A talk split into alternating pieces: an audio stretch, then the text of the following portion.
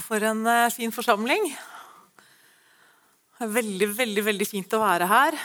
Først av alt, kjære Stavanger misjonskirke og kjære alle sammen. Gratulerer med dagen. Eh, dette er sånn ordentlig stas. Eh, akkurat som dere så er det jo Vi har hverdager og så har vi festdager, og i dag er det virkelig festdag. Og tusen takk for at jeg fikk lov å komme. Eh, det er, det er gøy med sånne stasdager. Og så har jeg også lyst til å si takk for en fantastisk åpning på denne kvelden.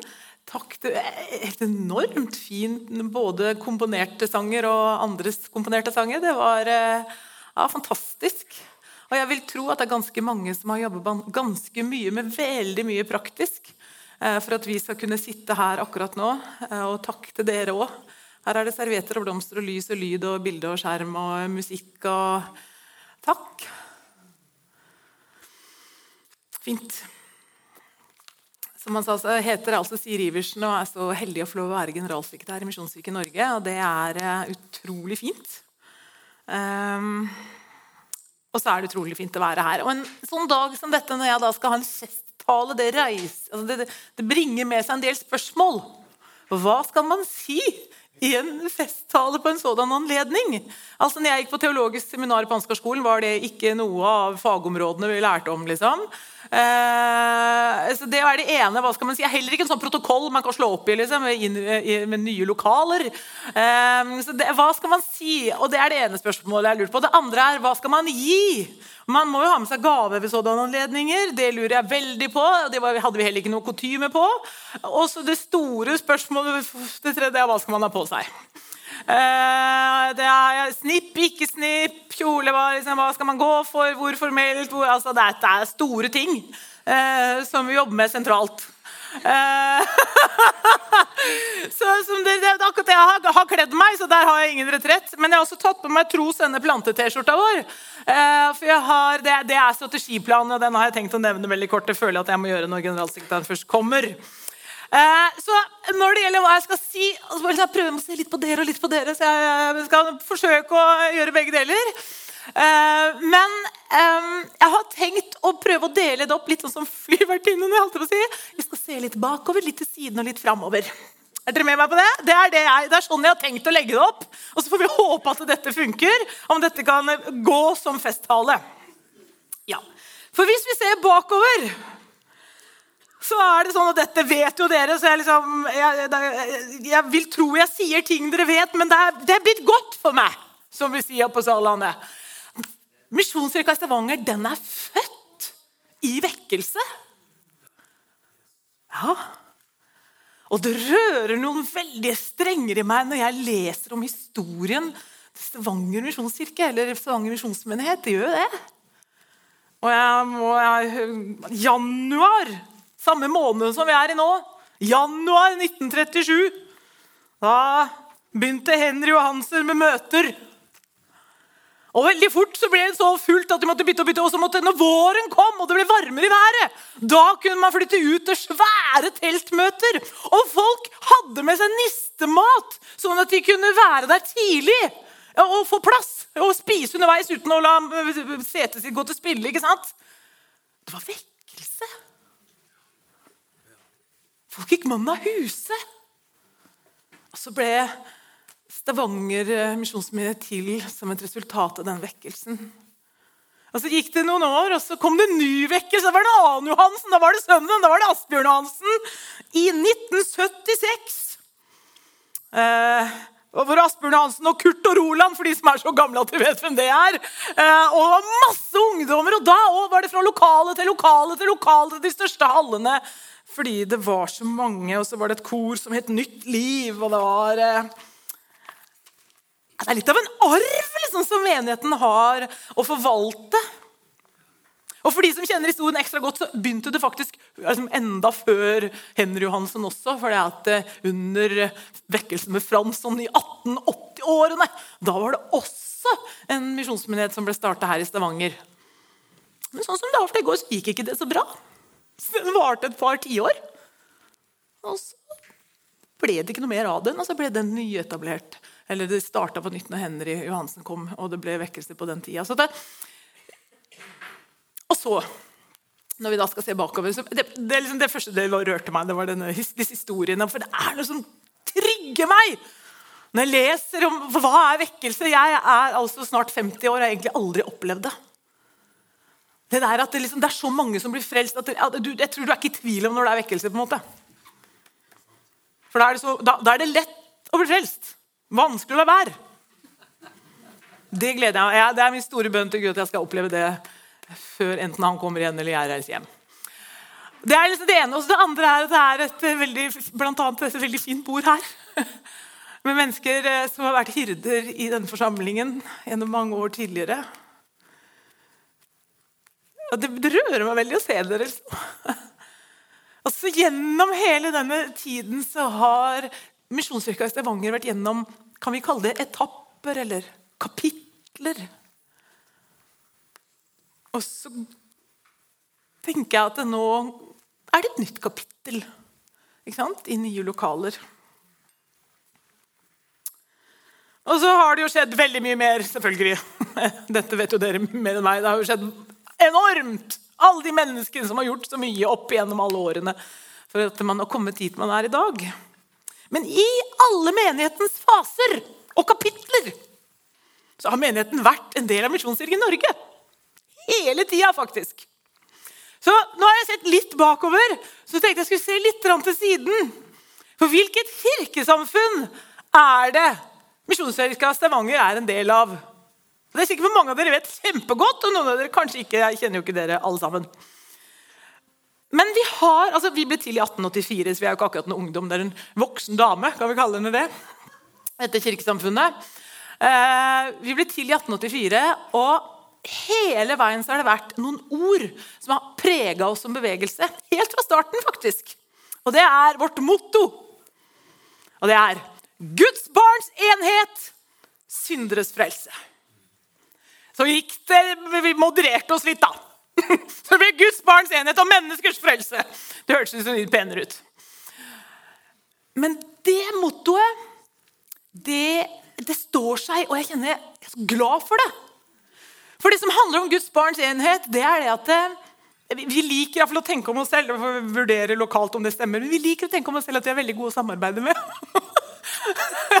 Fordi at vi har en, en erkjennelse av at vi har lutheranere og metodister og baptister og pinsevenner og andre venner. Og så anerkjenner vi at de er Guds barn. Vi tenker forskjellig både om dette og hint. Men de er Guds barn. Derfor kan vi samarbeide. Vi tror vi har den samme frelser. Er Guds barns enighet, er så raust! Og så er det en spiss i det! Menneskers frelse. Ja, for vi tror fremdeles at mennesker trenger frelse i Jesus Kristus. Og det er ganske ikke veldig postmoderne å si. Så Guds barns enhet, menneskers frelse, det er ord som har fulgt oss siden helt fra starten. faktisk. Det er, det, sånn en type bevegelse er eh, Misjonskirka Norge. Og så er det noen andre ord. Veldig mye seinere var det noen kloke hoder som skulle finne hvilke ord, altså hvilke verdier er det som preger dette kirkesamfunnet. Og det er kanskje ord dere kjenner igjen fra deres egen menighet. Men de fant ut at Misjonsyrket Norge vi skal være rotfestet, rause og relevante. Tre ord på R. Jeg, er, jeg, har alltid en sånn drøm om å få mine taler med tre ord på R eller syv punkter på S, men det går alltid like dårlig hver gang. Men verdiene våre vil være rotfestet, rause og relevante. Og det høres jo pent ut. Men det skal jeg bare si dere at det er ikke så lett i praksis. For vi vil være rotfestet. Altså, vi har en kjempearv og tradisjon på det som har med Skriften å gjøre. Det som har med Bibelen. Vi vil være rotfestet i det Bibelen sier. Vi vil, vi vil holde på det, vi vil holde det høyt. Og så vil det være relevant i 2024. Aha. Og så er det noen som syns vi er altfor rotfestet, og så er det noen som syns vi er altfor relevante. Det er fint at vi har ikke skilt i panna, så jeg kan ikke se det på deg. Men du har helt sikkert en mening om det. Men Derfor er jeg så glad i den verdien i midten. Raus. Fordi at vi, vi, det slites litt mellom rotfestet og relevans. Så må vi være rause med tilgivelse, rause med nåde, rause med overbærenhet. I tillegg at vi selvfølgelig må være rause med våre tid og våre penger. Det er det vi strekker oss etter. Det er ikke alltid det beskriver virkeligheten, men det er det vi strekker og tester, At vi ønsker å være rotfesta, rause og relevante. Det var de andre. liksom, mm, Guds barns enhet, menneskers frelse. Rotfesta, raus og relevant. Og så enda seinere, det er de siste liksom, ordene jeg skal beskrive i mitt uh, punkt nummer to. når vi skal se ut på sidene. Hvem er vi? Og hva vil vi? Jo, så er det noen som har funnet ut de ordene her. Vi vil tro, sende, plante. Og hallo, jeg vet de jobber med å finne ut disse ordene. Hva er det som skal prege oss? Hva er det som skal sette retning? Og Det er min store glede at jeg kom inn som generalsekretær når denne strategiplanen var ferdiglagt. Halleluja! Eh, for jeg er mye bedre på å gjennomføre. Så da kunne jeg bare tråkke inn i den strategien og si fantastisk strategi! Det er det vi skal gjøre. For de kunne sagt vi skal hvile, vente, være. Ikke sant? Vi skal synse, sove og smake Nei, jeg vet ikke. Men altså, det, det, var mange ting man kunne liksom gått inn på. Tro sende plante. Det er foroverlent, altså. Det er ganske vast. Og det ligger en veldig dyp lengsel bak ordene. Vi ønsker at mennesker skal komme til tro. Vi ønsker at mennesker skal bli istandsatt til tjeneste så de blir sendt. Og vi ønsker hele tida å plante nye fellesskap. Tro, sende, plante. Så Det er altså det kirkesamfunnet dere er en del av. i tilfelle du ikke visste det. Så da har vi sett litt bakover. litt til siden. Så si litt mer til siden.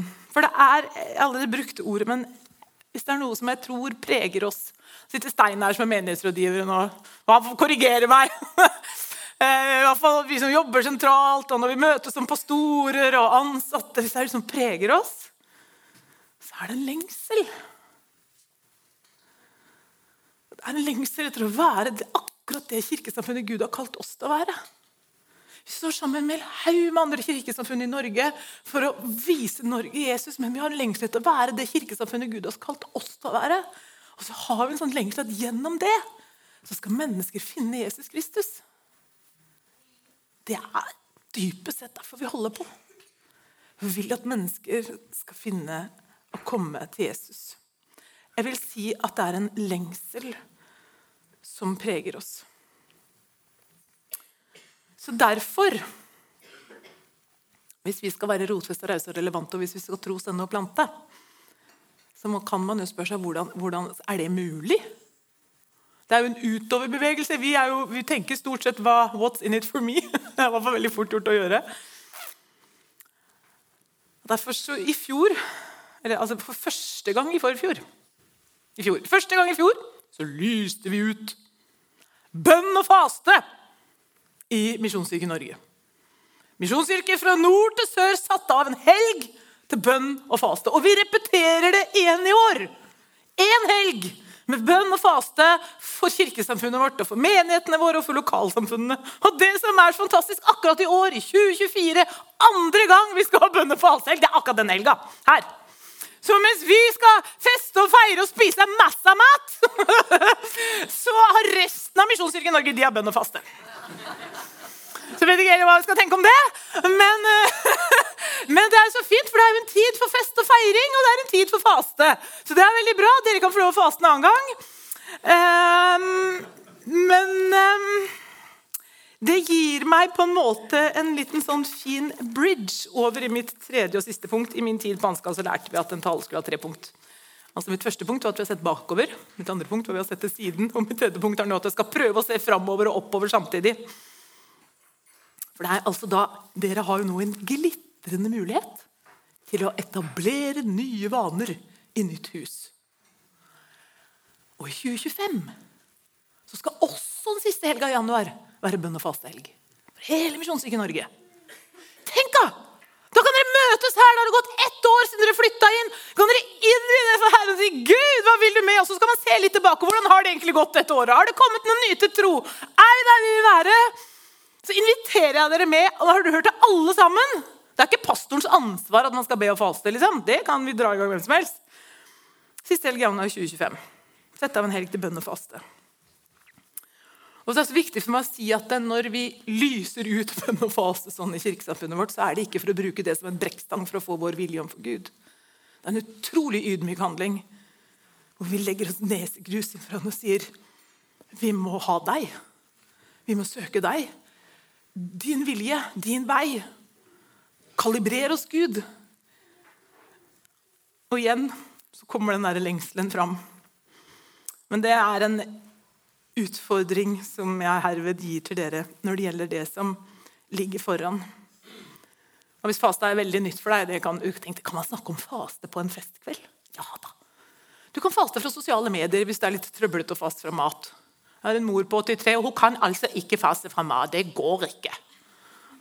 Men hun, går, hun klarer seg nokså nok ivrig i bønn uansett. Men, men det å sette av noe Sette vekk noe for å prioritere tid med Herren som fellesskap og som helt kirkesamfunn. Prima. Så det er veldig flaks for dere. Nå er det veldig mange som ber for Stavanger, for de vet jo at vi fester og feirer i dag. Så kan vi feste og de andre faste. Det er en fin arbeidsfordeling. Jeg har eh, Jeg må ha et ord. Ikke bare fra ordene til Misjonskirken Norge eller fra meg selv, men fra ordet. Og det som jeg har lyst til å dele med dere, eh, eller gi til dere, tror jeg egentlig jeg må si, på en kveld som denne, det er rett og slett fra Zakaria 12,10, hvor det står om nådens og bønnens ånd. Og min fornemmelse er, eller kanskje bare min bønn, det er at det skal få prege oss i det neste kapitlet er nådens og bønnens ånd. For I dag så skal vi feire, og vi skal fryde oss, vi skal være letta. Nå har dere kommet til land, liksom. Og vi skal nyte lokalene og etasjene og opp og ned og hit og dit. Samtidig som vi vet at Gud ikke bor i noe bygg. Samtidig som vi har en dyp erkjennelse til hvor bor han. Det står at han bor ved troen i våre hjerter. Og sammen så vi blir vi bygd opp står det i Skriften, til en bolig for Gud i ånden. Og Kirken fungerer jo aller best når den er fylt av mennesker. Hvor vi både samles for å søke Han, og samles for å sendes. Så min bønn, Det er, det er et sånt skjæringspunkt mellom bønn og hilsen til dere. Både en sånn at jeg har tro for, at det skal være en tid med nådens og bønnens ånd. Og at det er min bønn at det skal være et kapittel hvor det enda mer skal få plass, og hvor ånden skal få blåse dit den vil, og slik den vil. I Misjonskirka i Stavanger.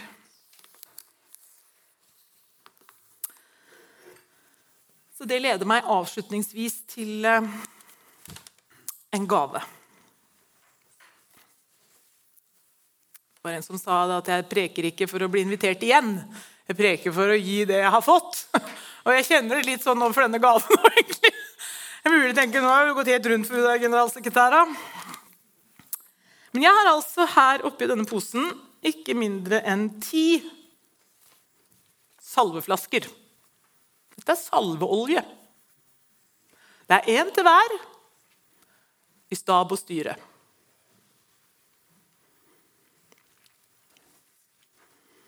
Og det er fordi ofte er olja eller salva i Bibelen forbundet med Den hellige ånd.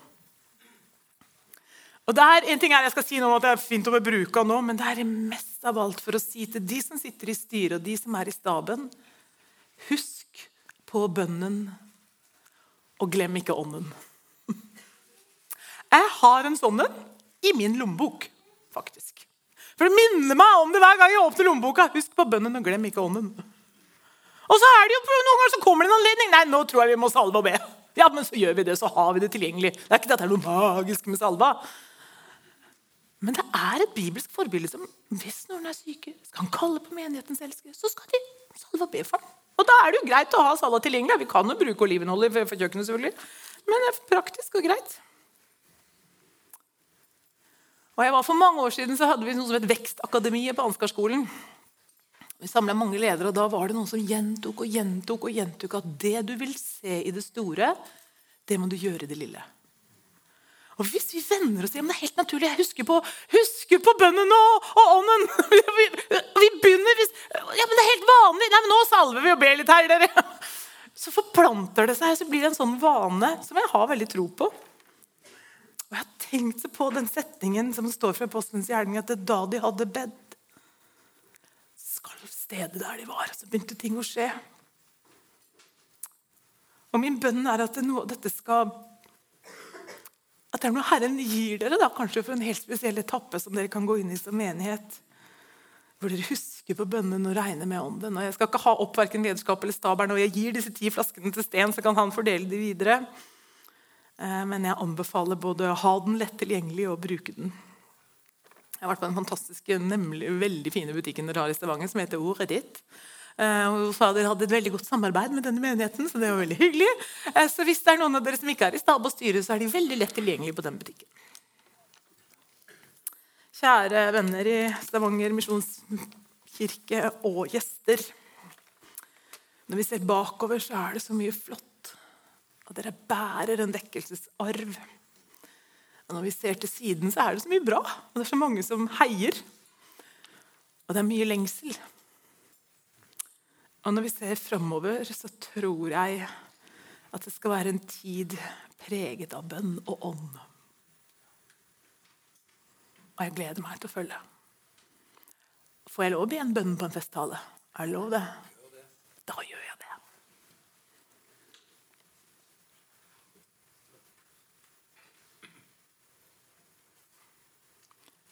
Kjære Herre Jesus Kristus, jeg takker deg for at selv om ikke vi kan se deg, så får vi lov å tro at du er her.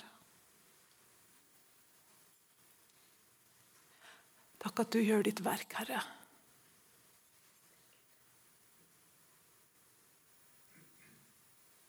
Herre, takk at du bor ved troen i våre hjerter.